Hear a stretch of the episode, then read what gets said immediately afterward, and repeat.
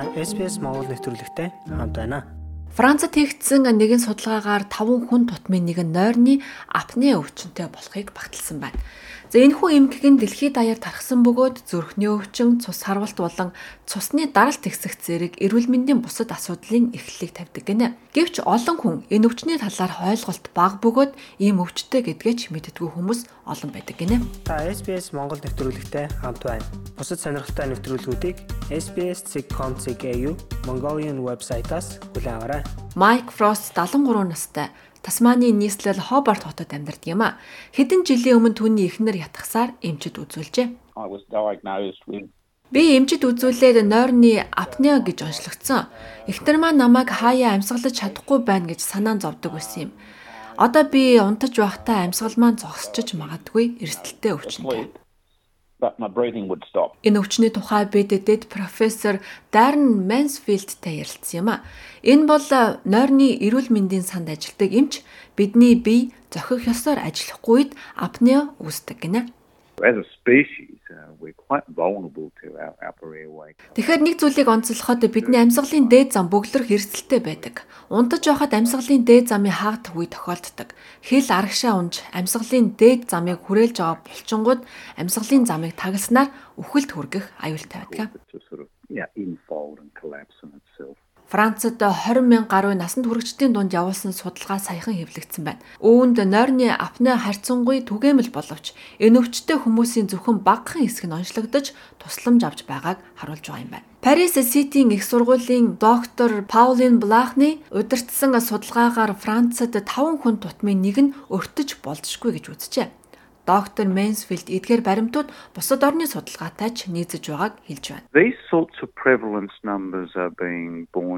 Um, За ийм өвчний тоо барууны орнуудад түгээмэл байгаа. Зөвхөн Франц төдийгүй Австрали, Европ, Америкийн нэгдсэн улс болон бусад орнуудад ижил төстэй тоо ажиглагдаж байгаа юм. За магадгүй 5 хүн тутмын нэг нь нойрны апне өвчтөй байж магадгүй болох нь нийгмийн эрүүл мэндийн нэлээд том асуудал гэсэн үг. Public health problem. Түүний хэлснээр нойрны апноэ нь янз бүрийн асуудал үүсгэдэг гинэ. There are short-term health consequences and these relate to the fragmentation of sleep and and we would expect most Эрүүл мэндэд богино хугацааны үр дагавар гарч болох юм. Эдгээр нойрны хуваагдaltaй холбоотой байдаг. Нойрны апне өвчтөе хүмүүсийн ихэнх нь нойрноосоо сэрж чадахгүй байж магадгүй.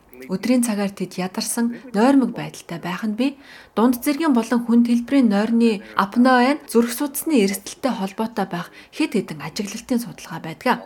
Энэ өвчин цус харвалт хоёрын хооронд холбоо байж магадгүй юм. Uh, the the link between sleep apnea and stroke is probably the strongest. Нойрны мэрэгжилтнүүд хэлэхдээ энэ өвчний шинж тэмдгийг ихэнх хүмүүс сайн ойлгодог гинэ шинж тэмдгүүд нь ихэвчлэн хорихрох замаар илэрдэг боловч дандаа тийм байдаг гэсэн үг биш ээ. Хорхирах гэдэг нь дангаараа нэг хүний эрүүл мэндийн асуудал гэхээс илүү нийгмийн асуудал байж болдог. Энэ нь амьсгалын замыг бөглөх эрсдэлтэй байгаагийн шинж тэмдэг юм. Таны хамт амьдарч байгаа хүмүүс э, таныг сайн унтаж чадахгүй байгаа эсвэл ядарсан мэд босчирж байгааг чинь анзаарч мэднэ. Харин ингэж хэлж өгөх хүн хажууд чинь байхгүй бол сайн унтаж байгаагаа мэдэх өөр арга замууд байдаг гэж Mansfield имж хэлж байна. Технологиг хэрэглээд үзээрэй. Унтах үед дуу чимээ бичгэд зориулагдсан аппликейшнуд байдаг. Ухаалаг утсандаа татаж аваад хэрэглэх боломжтой. Технологиг өөрийгөө эмчлэхэд ч ашиглаж болдог. Хамгийн түгээмэл зүйл бол тасралтгүй эерэг агаарын даралтад машин буюу CPAP-ыг ашиглах явдал юм. Нэвтрүүлгийн эхэнд ярьж байсан 73 настай Майк ийм CPAP машинтай бөгөөд маш их үр дүн өгсөн гэлээ. Би энэ машиныг 8 жил орчим хэрэглэж байна. Аяллаар явхдаа ч аваад явдаг. Сонирхолтой нь би одоо энэ машин маань байхгүй бол сайн унтаж чаддгүй.